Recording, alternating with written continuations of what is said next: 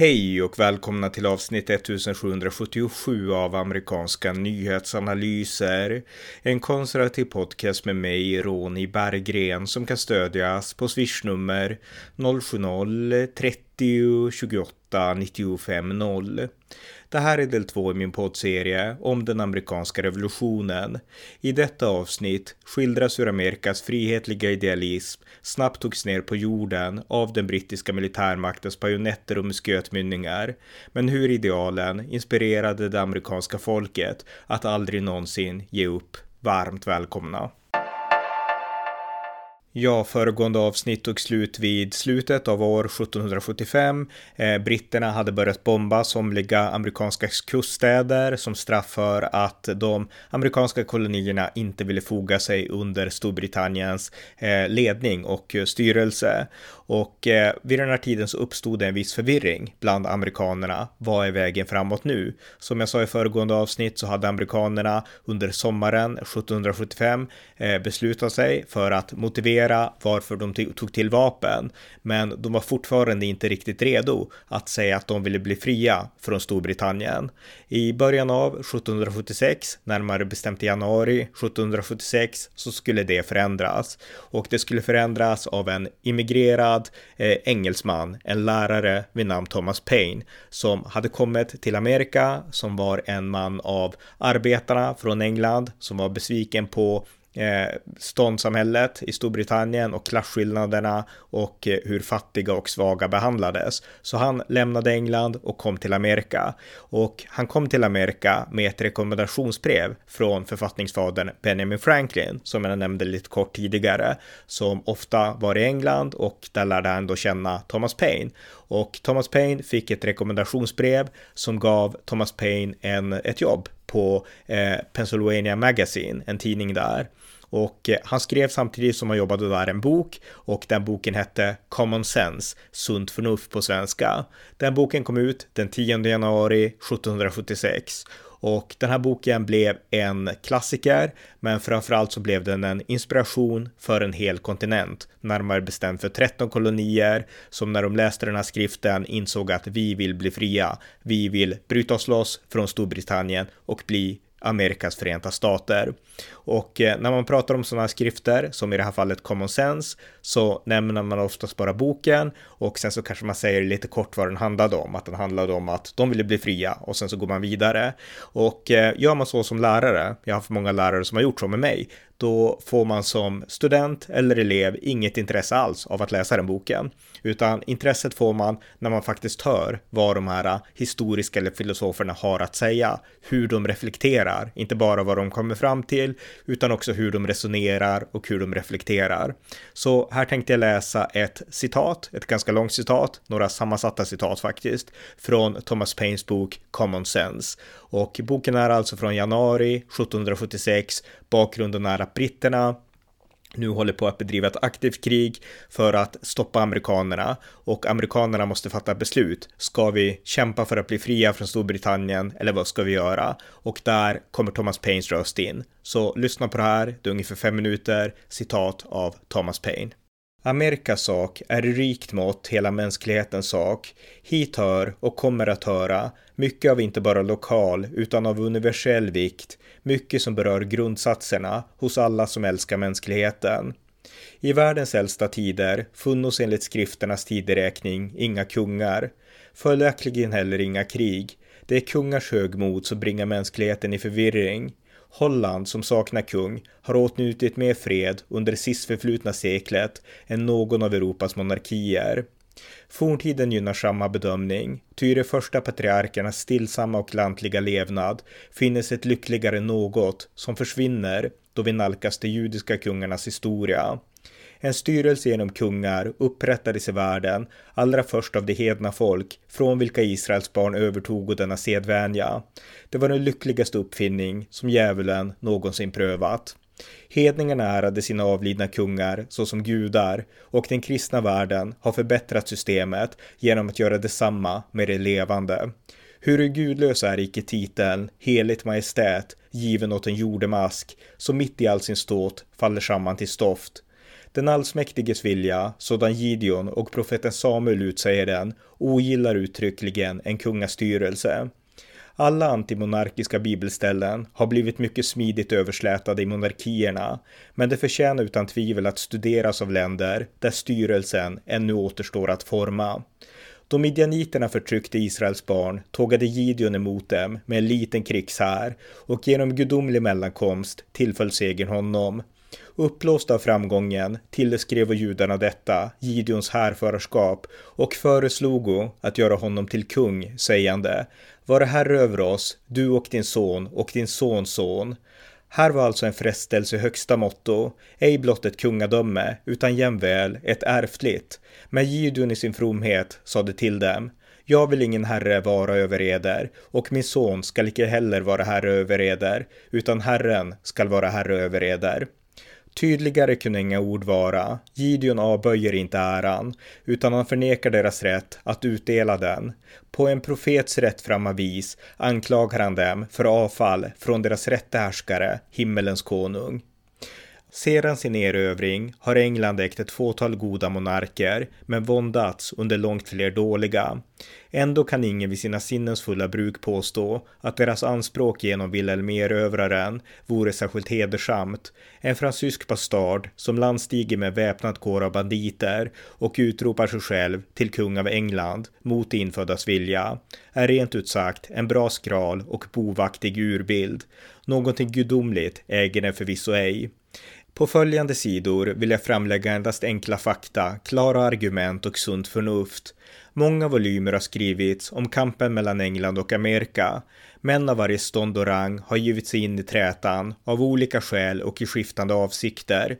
Men alla dessa medel har varit overksamma och diskussionens tid är förbi. Som sista utväg avgöra vapnen denna kraftmätning. Att vädja till dem var kungens val och vår kontinent har antagit utmaningen. Aldrig har solen lyst över en mer värdig sak. Eftervärlden är starkt inblandad i kampen och kommer att beröras av vad som nu sker och det till tidernas ände. Britannien är moderlandet, säger somliga. Desto skändligare beter hon sig inte då. Inte ens vilda djur slukar sina ungar och inga vildar föra krig mot sin egen släkt. Denna nya värld har varit en tillflyktsort för folk från hela Europa, vilka älskat medborgerlig och religiös frihet. Hit har de flytt, ej från en moders ömma famntag, utan från ett vidunders grymhet. Och så vill vida är det sant även för Englands del att samma tyranni som drev de första emigranterna hemifrån alltjämt förföljer deras efterkommande. Allt som är rätt eller förnuftigt talar för skilsmässa. Det stupades blod, naturens gråtande stämma ropar, det är tid att skiljas. Till och med det avstånd som den allsmäktiga har utlagt mellan England och Amerika är ett starkt och naturligt bevis på att himlen aldrig syftar till att det ena skulle härska över det andra. Storbritanniens myndighet över denna kontinent är en art av styrelse som förr eller senare måste få ett slut. Som föräldrar kunna vi inte glädja oss då vi vet att denna styrelse inte är tillräckligt bestående för att trygga ett arv åt våra efterlevande. Och klart och enkelt sagt, eftersom vi skuldsätter nästa generation börjar vi även utföra motsvarande arbete till dess fromma, annars utnyttjar vi den girigt och ömkligt. För att rätt se vår plikt borde vi taga våra barn vid handen och ställa oss om några år längre framåt i livet. Från en sådan punkt får vi se en utsikt, vilken en del av dagens farhågor och fördomar döljer för vår syn. Sammanfattningsvis, hur egendomligt det än kan te sig för somliga, eller hur ogärna den vill jag tänka så, det spelar ingen roll, men många starka och slående skäl kunna lika fullt anföras till att visa att intet kan ordna våra affärer så skyndsamt som en öppen och beslutsam oavhängighetsförklaring. Det var alltså några sammansatta citat från Thomas Paines bok Common Sense från januari 1776. Och den här boken sålde som smör. Den sålde 500 000 kopior över de amerikanska kolonierna och det skulle bli den största bästsäljaren i amerikansk historia tills Uncle Toms stuga kom på 1850-talet.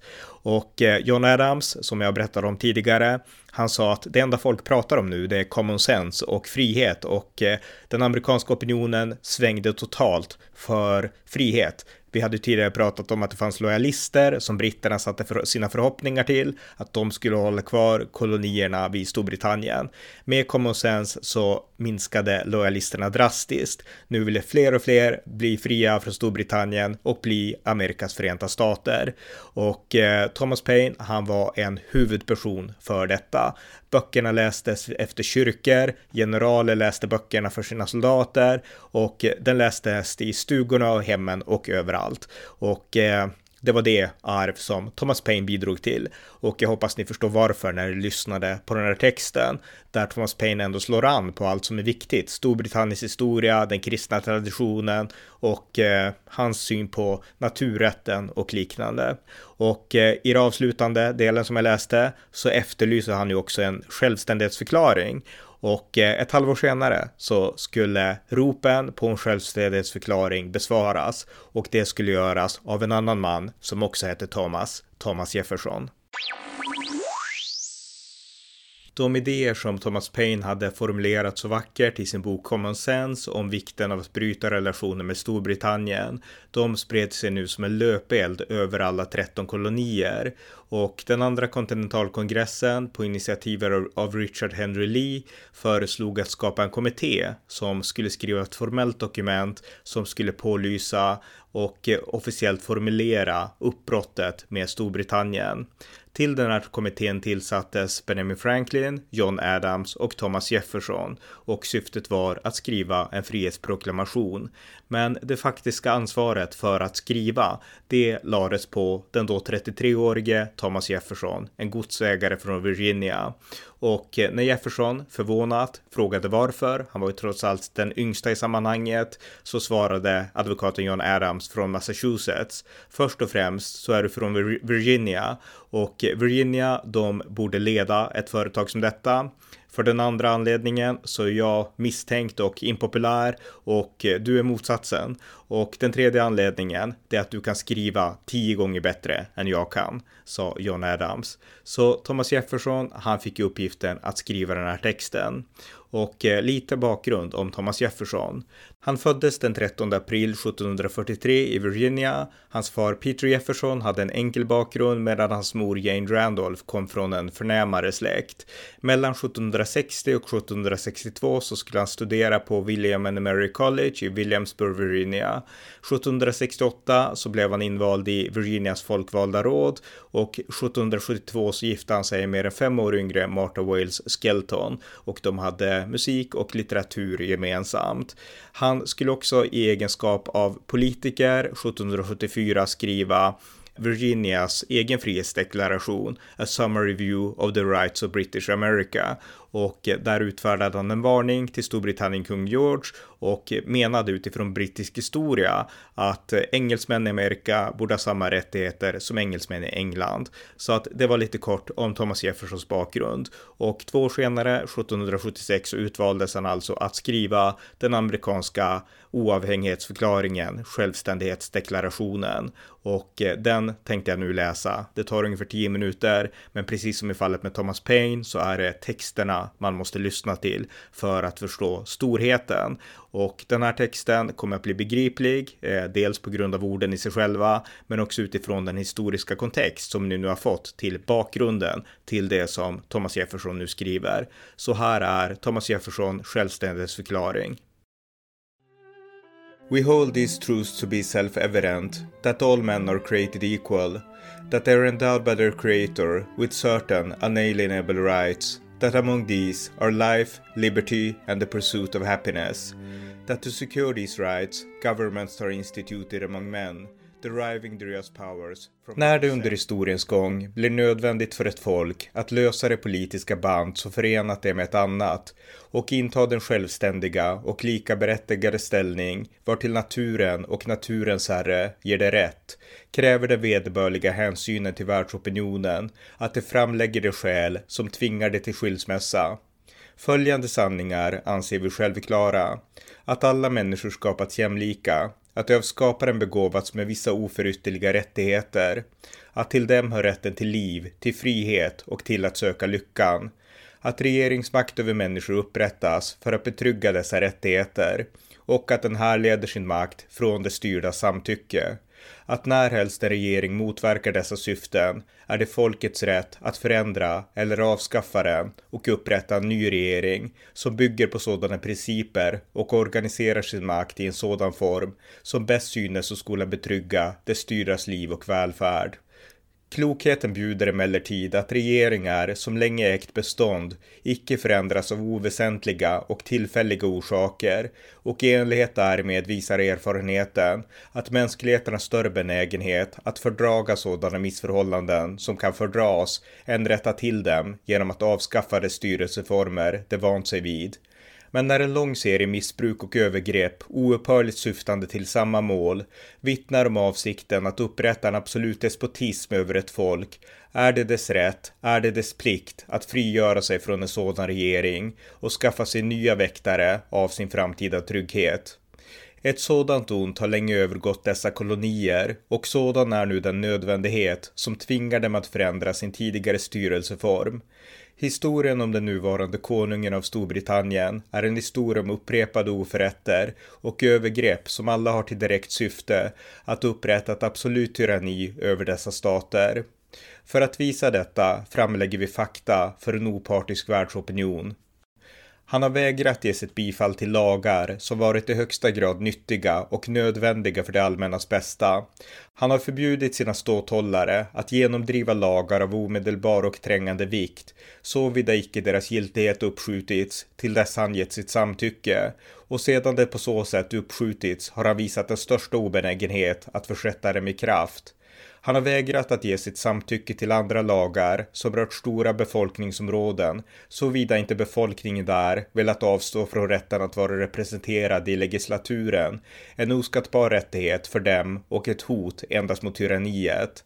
Han har sammankallat lagstiftande församlingar på platser som icke varit brukliga, som varit oangenäma att vistas på och legat avsides från de allmänna stråkvägarna och detta endast för att trötta ut representanterna tills det fogat sig i hans åtgärder.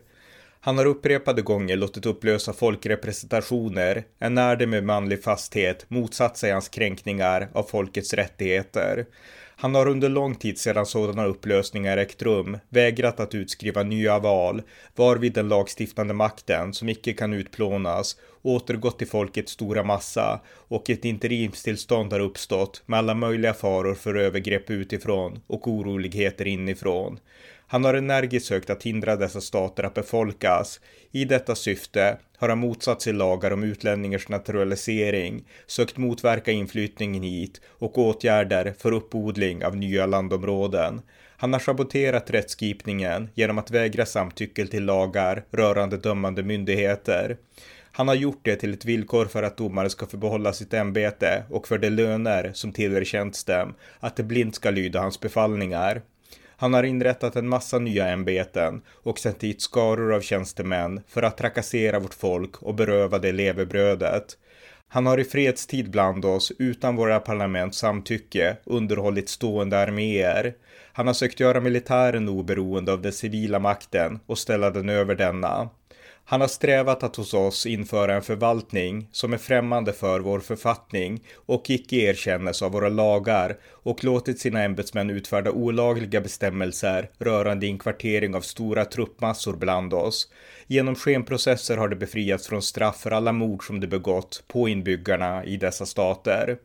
Det har genomdrivit bestämmelser som avspärrat oss från att driva handel med alla delar av världen. Det har pålagt oss skatter utan vårt samtycke. Det har utfärdat förordningar som i många fall berövat oss våra juryinstitutioner som fört oss över havet för att stå till svars för föregivna brott, som avskaffat de engelska lagarnas fria system i den avgränsade provinsen och där upprättat en godtycklig styrelse och utvidgat dess gränser så att den blivit ett tjänligt redskap att införa samma absoluta styrelse i dessa kolonier, som berövat oss våra privilegier, annullerat våra bästa lagar och på ett genomgripande sätt förändrat våra styrelseformer, som upphävt våra egna lagstiftande församlingar och utrustat engelska tjänstemännen med befogenheter att lagstifta för oss i alla förekommande fall. Han har avskaffat lag och rätt här genom att förklara oss ha förverkat hans beskydd och börjat krig mot oss. Han har kapat våra fartyg, härjat våra kuster, bränt våra städer och våldfört sig på vårt folks liv. Han håller nu på att transportera hit stora arméer av främmande legotrupper för att fullborda det verk av död, ödeläggelse och tyranni som redan begynns med en grymhet och gemenhet som nästan saknar motstycke i de mest barbariska tider och som är fullständigt ovärdigt härskaren över en civilisation. Han har tvingat våra medborgare som tillfångatagits på havet att bära vapen mot sitt eget land, att bli sina vänners och bröders bödlar eller att falla för egen hand.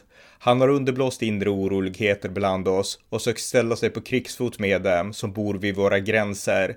De vilda indianerna, vilkas välkända sätt att föra krig består i att utan åtskillnad slå ihjäl alla, oberoende av ålder och kön.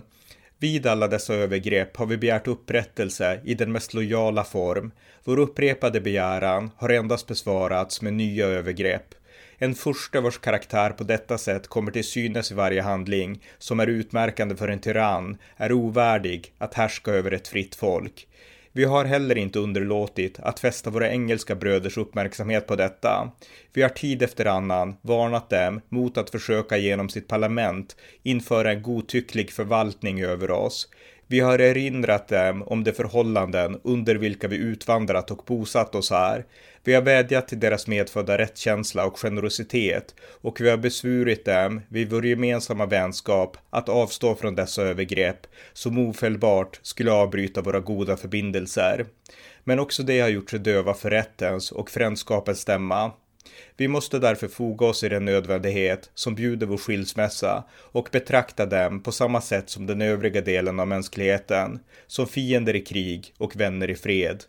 Vi, representanter för Amerikas förenta stater, samlade till kongress och vädjande till världsopinionen om det berättigande i våra avsikter, förklarar därför, i namn av och bemyndigade av det goda folket i dessa kolonier, att dessa förenade kolonier är, och med rätta bör vara, fria och självständiga stater, att de är fritagna från alla förpliktelser mot den engelska kronan och att alla politiska band mellan dem och Storbritannien är och bör vara fullständigt upplösta och att de som fria och oberoende stater har full befogenhet att börja krig, sluta fred, ingå allianser, inleda handelsförbindelser och göra allt annat till vilket självständiga stater har rätt. Och för denna förklaring, med fast tillit till försynens bistånd, sätter vi en för alla och alla för en våra liv, vår egendom och vår heder i pant. Det var alltså Thomas Jeffersons självständighetsförklaring och den 4 juli 1776 då röstade delegaterna på den andra kontinentalkongressen för att godkänna den här självständighetsförklaringen. Och den första att skriva under det blev kontinentalkongressens president John Hancock som använde en penna med tjockt bläck och sen sa sådär, då förmodar jag att kung George också kommer att kunna läsa. Och eh, ja, det var lite humor där. Men det fanns också en djup underton av allvar. För alla förstod att eh, det här var i lika stor utsträckning som det var en självständighetsförklaring så var det också en krigsförklaring. En krigsförklaring mot Storbritannien. Så att de som skrev under de insåg att det här är också att underteckna våra egna dödsdomar. För britterna är starkare än oss och risken finns att de kommer att hänga oss allihopa. Och eh, en av de som skrev under, Benjamin Franklin, åldermannen i sammanhanget, han hade ju sin ganska mörka och roliga humor och han sa att eh, vi kommer alla att bli hängda, men vi kommer åtminstone hängas tillsammans. Fast det kan ju också hända att de hänger oss i ensamhet, sa Benjamin Franklin. Och eh, av delegaterna fanns det också en som inte skrev under och det var John Dickinson. Han som tidigare hade sträckt ut den här olivkvisten för att önska fred av kung George den tredje. Han var en patriot, det måste betonas, men han ville verkligen inte bryta relationen med Storbritannien så att John Dickinson skrev inte under. Och av de 13 kolonierna så återstod också New York. Men det här var en stor dag, den 4 juli 1776 och den 8 juli så publicerades frihetsdeklarationen i tidningar och lästes upp offentligt i Philadelphia. Och sen spreds ordet runt om i kolonierna att nu är vi fria, vi är inte längre kolonier utan vi är Amerika, vi är e egna självständiga stater. Och eh, höga Glädjerop spred sig över kolonierna, över staterna, eh, men också stora protester mot Storbritannien och, och, mot kung George den tredje. I Savannah till exempel så brände man en stor docka av George den tredje. I, I, New York så rev man ner en staty av den brittiske kungen och, och i Connecticut så smälte man ner en staty av kungen och använde materialet till kulor för sina vapen. Och eh, det här blev ju också en, en krigsförklaring såklart mot Storbritannien. Eh, med förklaringen så visade amerikanerna att de aldrig skulle underkasta sig.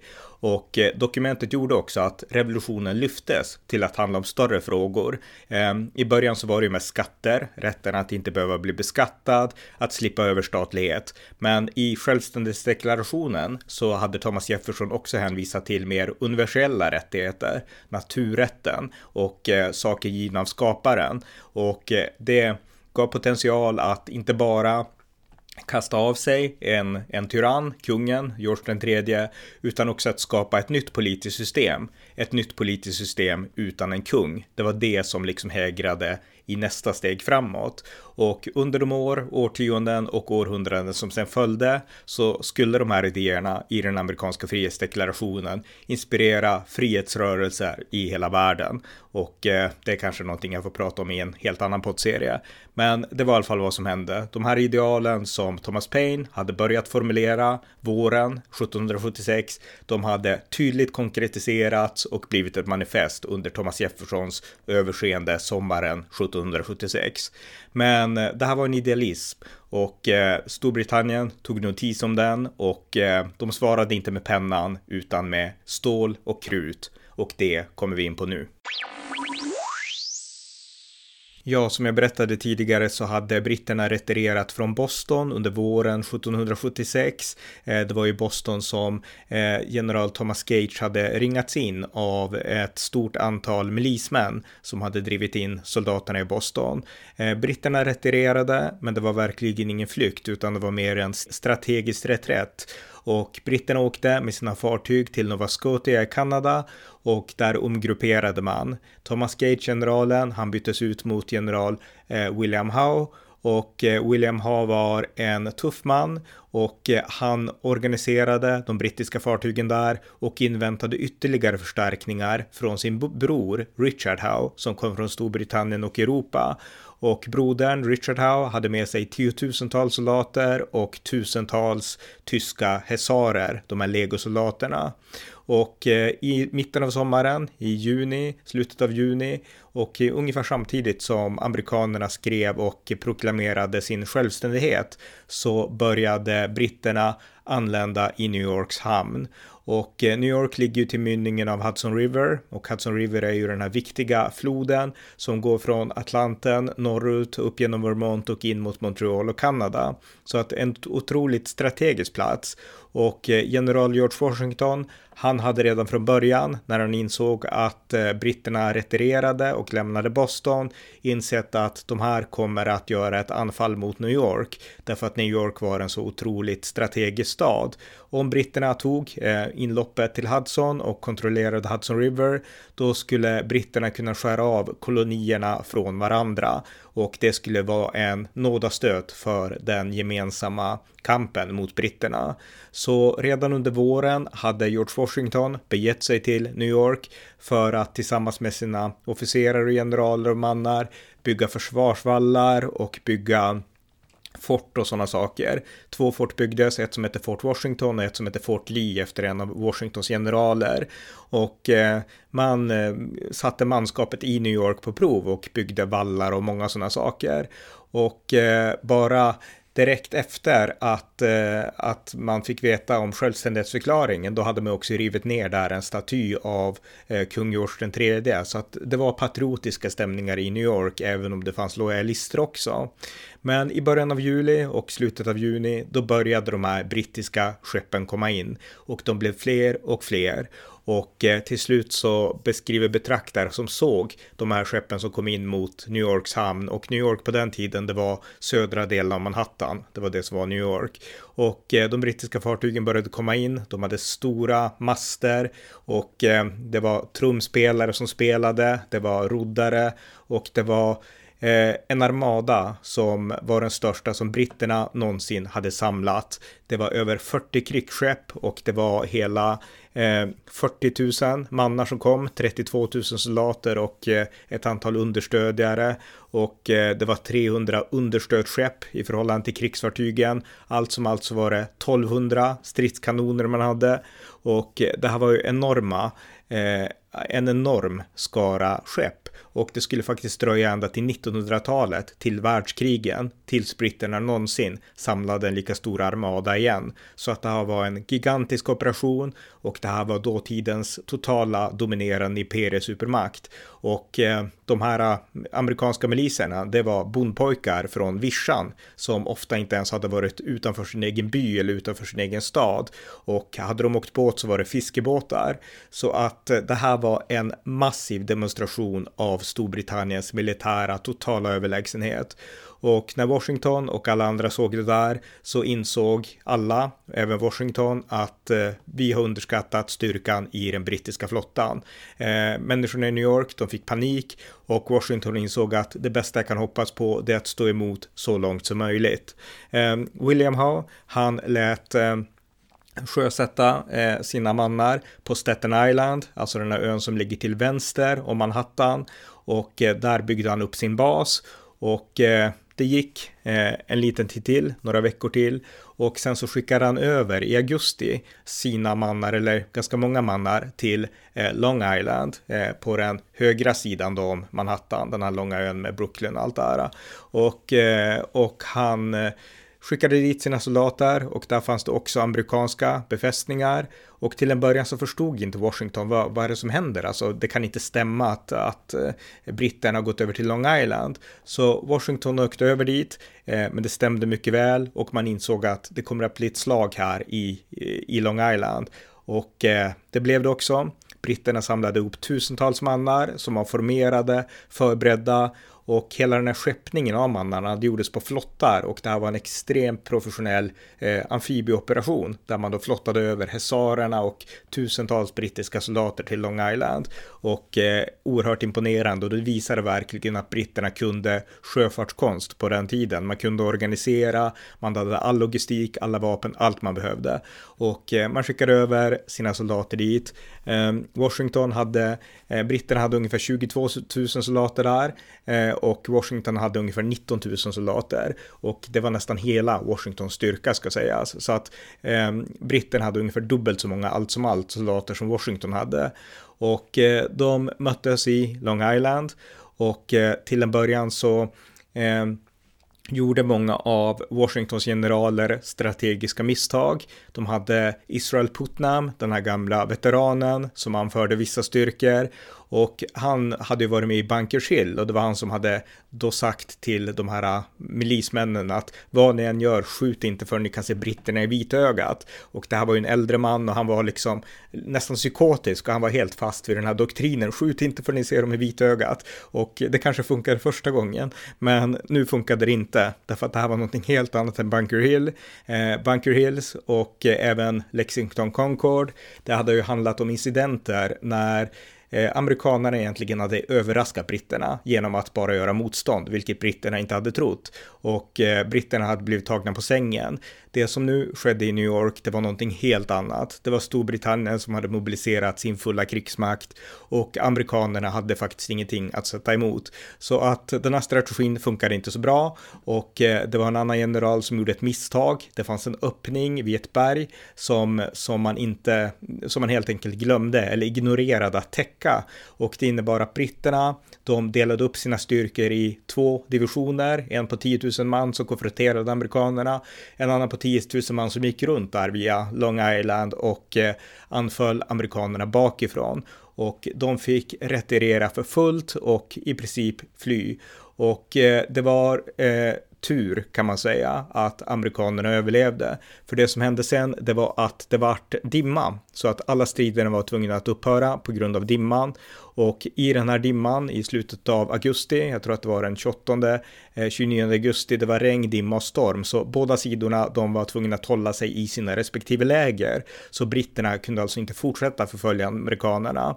Och vad Washington då gjorde, det var att han lät fortsätta gräva diken för att kunna skydda sig. Han tände lägereldar och eh, så. Men i hemlighet, i skydd av dimman, i skydd av regnet och stormen så samlade han in alla båtar han kunde hitta och sen började han en evakuering från Long Island till, till Manhattan av, av sina mannar. Och eh, britterna märkte inte det. Så dagen efter när dimman hade lagt sig och de tänkte avsluta amerikanernas liv, då fanns det inga amerikaner där. De hade tagit sig över till New York. Och det här var räddningen för hela, egentligen, fortsättningen av kriget, därför att hade eh, hade britterna avancerat tidigare eller kunnat göra det hade de kanske kunnat ta Washington och då hade kriget varit över. Vid den här tidpunkten så var revolutionen, den amerikanska frihetsrevolutionen, synonym med armén och med George Washington. Om han skulle ha misslyckats så skulle allt som amerikanerna gjorde och deras självständighet ha blivit kväst av den brittiska militären.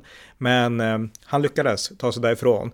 Men förlusterna på Long Island hade varit många. George Washington hade förlorat 970 män och 1000 hade blivit tillfångatagna i jämförelse mot 63 dödade britter och ungefär 300 skadade eller försvunna brittiska soldater. Så stora förluster för Washington här. Och en av de amerikanska generalerna som Washington hade som hette John Sullivan tror jag han hette.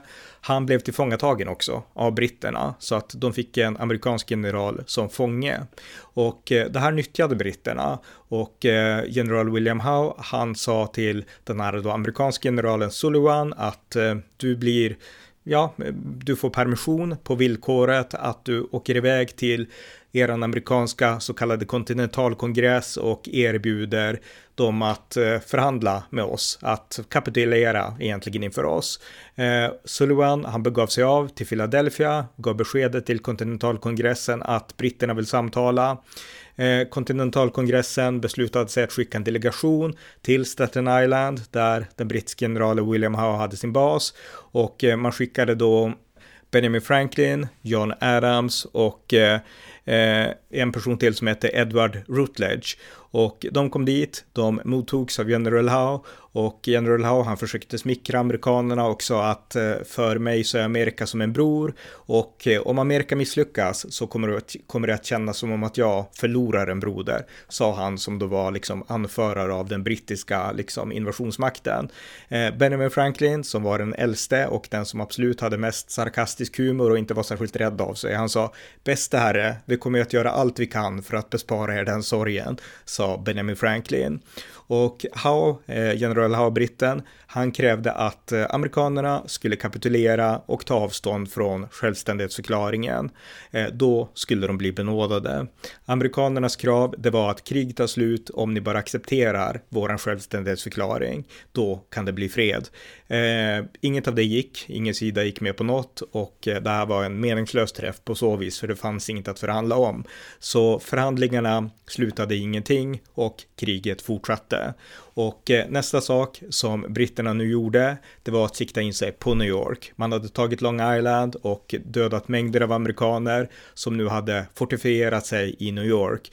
Och nu började britterna inse att nu kan vi använda våra stridsskepp och eh, de brittiska stridsskeppen, de gick upp längs East River och Hudson River och sköt eh, med sina kanoner in över New York och in över Manhattan. Och det var en intensiv beskjutning. Samtidigt så sköt, satte man tusentals soldater och, och eh, tyska hesarer via, via flottar och eh, de åkte över till New York. Och eh, striderna i New York, eh, ja, de rasade på, men de brittiska kanonerna sköt egentligen sönder alla befästningar som amerikanerna hade byggt. Så att amerikanerna insåg att vi måste dra oss tillbaka, vi måste retirera. Och i mitten av september ungefär, då drog, drog amerikanerna norrut från Manhattan upp mot Harlem. Och eh, det gick egentligen inte att stå emot britterna i det här skedet. Däremot så lämnade man spioner kvar i New York för att hålla koll på vad britterna skulle göra. och eh, vi kommer komma tillbaka till det om en liten stund. Och eh, William Howe, han gick då in i New York och eh, när han gjorde det så var det också många amerikanska soldater förresten som deserterade. Britterna lovade att om ni deserterar blir ni benådade och eh, britterna hade många löften i kriget ska sägas. Jag nämnde tidigare att hesarerna som britterna hade värvat som legosoldater i Tyskland, till dem berättade man ju att amerikanerna är grymma, om ni inte är grymma så kommer ni att bli liksom sönderslitna och så, så att vara hårda mot amerikanerna. Till de amerikanska soldaterna sa, sa man, ni ser hur det går, ni har ingen chans, om ni kapitulerar så blir ni benådade och mängder av amerikaner de ner sina vapen och kapitulerade för britterna. Man lovade också alla svarta, speciellt i södern, att om ni vänder er mot era herrar så kommer vi göra er fria, ni kommer att bli benådade. Så britterna hade inte bara militär utan de hade också en otroligt effektiv krigspropaganda. Det här var ju alltså en militärmakt som kunde alla metoder och all taktik. Och Eh, Eh, man tog eh, New York, eh, där på södra Manhattan. Man satte upp markeringar på husen som tillhörde kända rebellledare och då ristade man in initialer på husen. GR, GR, Georgius Rex, alltså den brittiske, alltså Rex, kung på latin och Georgius, alltså kung George den tredje då. Och sen så beslagtog man de här husen från, ja, familjerna då till rebeller och liknande. Och Washingtons styrkor, de, de fortsatte helt enkelt att dra sig norrut. Eh, strax därefter, när britterna hade intagit New York, då startade en brand i staden och eh, det kallas för The Great Fire of New York och den rasade ett antal dagar där eh, i september och eh, det fanns såklart spekulationer, är den anlagd?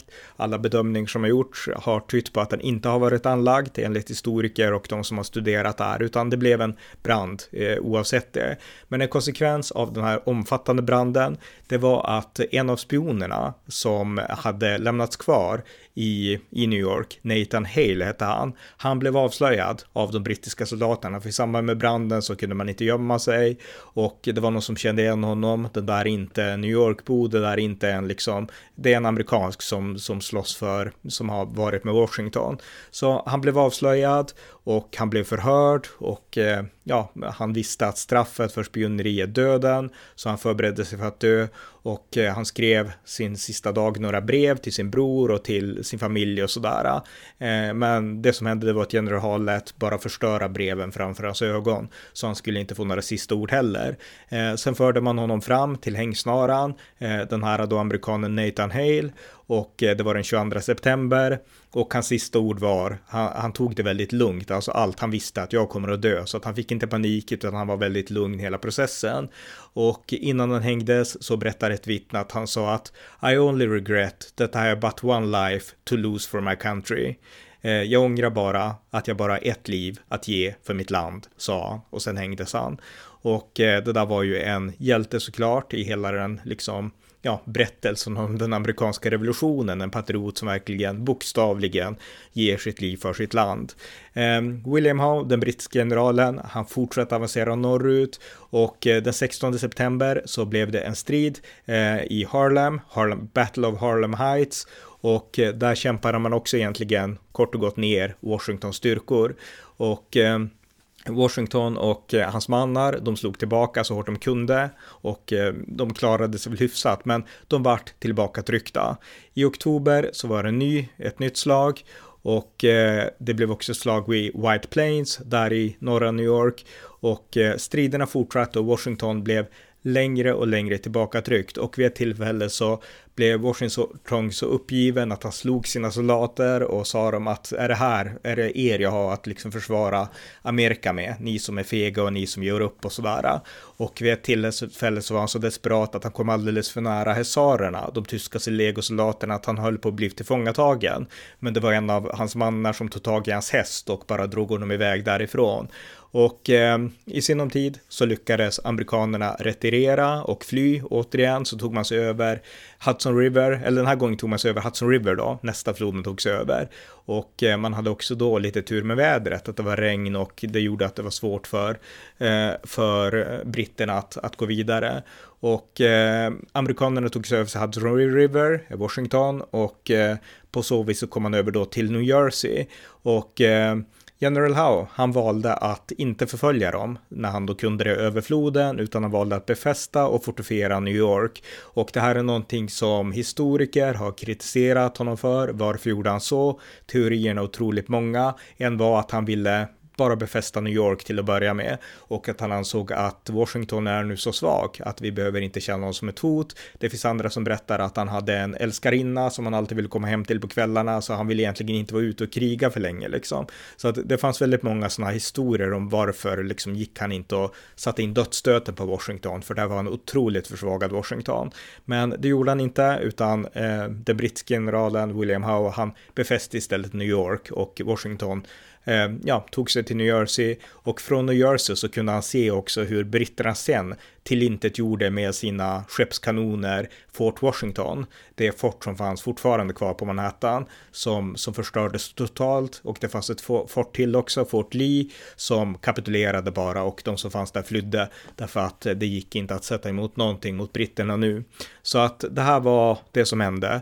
Eh, under några månaders tid där, hösten 1776, så höll britterna i princip på att helt slå ner den amerikanska revolutionen och det var nära att Washington blev tillfångatagen eller dödad. Och eh, ja, man kan prata att det var högre makter eller det var vädrets makter eller någonting annat. Men tur hade Washington i alla fall, för vädret räddade amerikanerna vid några tillfällen här i New York. Hade inte det hänt att man hade kunnat fly från Long Island och så vidare, då hade britterna besegrat amerikanerna och den amerikanska revolutionen skulle ha gått om intet. Nu överlevde en spillra av Washingtons arméer. De hade kommit till New Jersey och de blev i den här tidpunkten inte förföljda och de överlevde. Och samtidigt som eh, de egentligen ja, försökte planera vad ska vi göra nu så fortsatte britterna att befästa sitt styre i New York och eh, britterna våldtog kvinnor i New York och i New Jersey. Det finns berättelser om en 13-årig flicka som, som hette Abigail som blev våldtagen i sitt hem av ett antal brittiska soldater och vintern 1776 och 1777 då vart rapporterna om våldtäkter så många att kontinentalkongressen skapade en kommitté för att utreda brittiska krigsförbrytelser eh, och eh, så och inte minst i New York och man pratade då om lust and brutality of the soldiers in abusing women eh, skrev kongressen om då. Eh, så att det här var en tid när Washington sörjde, han hade förlorat New York eh, helt och hållet och hans armé var slagen i spillror och väldigt många var skadade, väldigt många deserterade och eh, det mesta eh, tydde på att eh, även om han kanske skulle kunna värva nya soldater så Eh, den här förlustkänslan gjorde att ingen ville, ingen ville ta värvning och ingen ville stanna kvar. Och det var en känsla av att allt är över, allt vi har trott på, det vi kämpade för, när vi jublade den 4 juli, nu är det kört. Så kände amerikanerna där i december 1776, alltså bara ett halvår efter frihetsdeklarationen. Men ett hopp skulle tändas, för under reträtten från New Jersey så hade George Washington med sig en person vars namn ni känner till nu och det var den engelske författaren Thomas Paine, han som hade skrivit boken Common Sense. Och eh, nu när allt så mörkt, såg så mörkt ut och han insåg att den amerikanska kampen är över så började han skriva en ny pamflett, en liten kort bok som heter The American Crisis och eh, där skrev Thomas Paine så här. Det här är tider som prövar människors själar. Sommarsoldaterna och solskenspatrioterna kommer att sjunka ihop från lojaliteten och tjänstgöring för sitt land. Men de som står fasta nu, de förtjänar kärlek och tacksamhet av varje man och kvinna. Och Thomas Paine förklarade att paniken som alla kände, de, den kunde sålla de som var lojala från de som var fega. De lojala, de stannade i alla fall trots att de var rädda och de fega sprang därifrån. Och han manade soldaterna att ge armén tid att återhämta sig och därefter så väntade ära. Och den här boken, den spreds inom ett dygn som en löpeld bland Washingtons mannar och generaler. De läste den överallt för sina soldater och eh, inom loppet av några dygn så hade den här hopplösheten som alla kände efter att man hade förlorat New York, den hade övervunnits av hoppfullhet och eh, myterierna upphörde och Washington kunde hålla ihop den kontinentala armén och det här visar verkligen vikten av inspiration från ord. Eh, svärdet har makt, men pennan har också makt. Och eh, Washington hade förlorat det militära, men hoppet och den amerikanska frihetsflamman levde fortfarande tack vare Thomas Paine och tack vare inspirationen från Thomas Jeffersons frihetsdeklaration. Frihetens flamma levde fortfarande. Så det var det här avsnittet om eh, frihetsförfattarna, Thomas Paine och Thomas Jefferson framför allt, och hur britterna gjorde allt för att kväsa det här hoppet. Men de misslyckades tack vare pennans makt. Och eh, med det sagt så avslutar vi det här avsnittet och eh, nästa gång så följer en ny spännande historia om den amerikanska revolutionen. Ni har lyssnat till amerikanska nyhetsanalyser och del två i min serie om den amerikanska revolutionen. Vill ni stödja podden kan det göras på swishnummer 070-30 28 95 0 eller via hemsidan usapool.blogspot.com på Paypal, Patreon eller bankkonto. Om ni har möjlighet så skänk också en slant till valfri Ukraina-hjälp, ett land som just nu utkämpar sitt eget frihetskrig. Än en gång, tack för att ni lyssnat och allt gott tills nästa gång.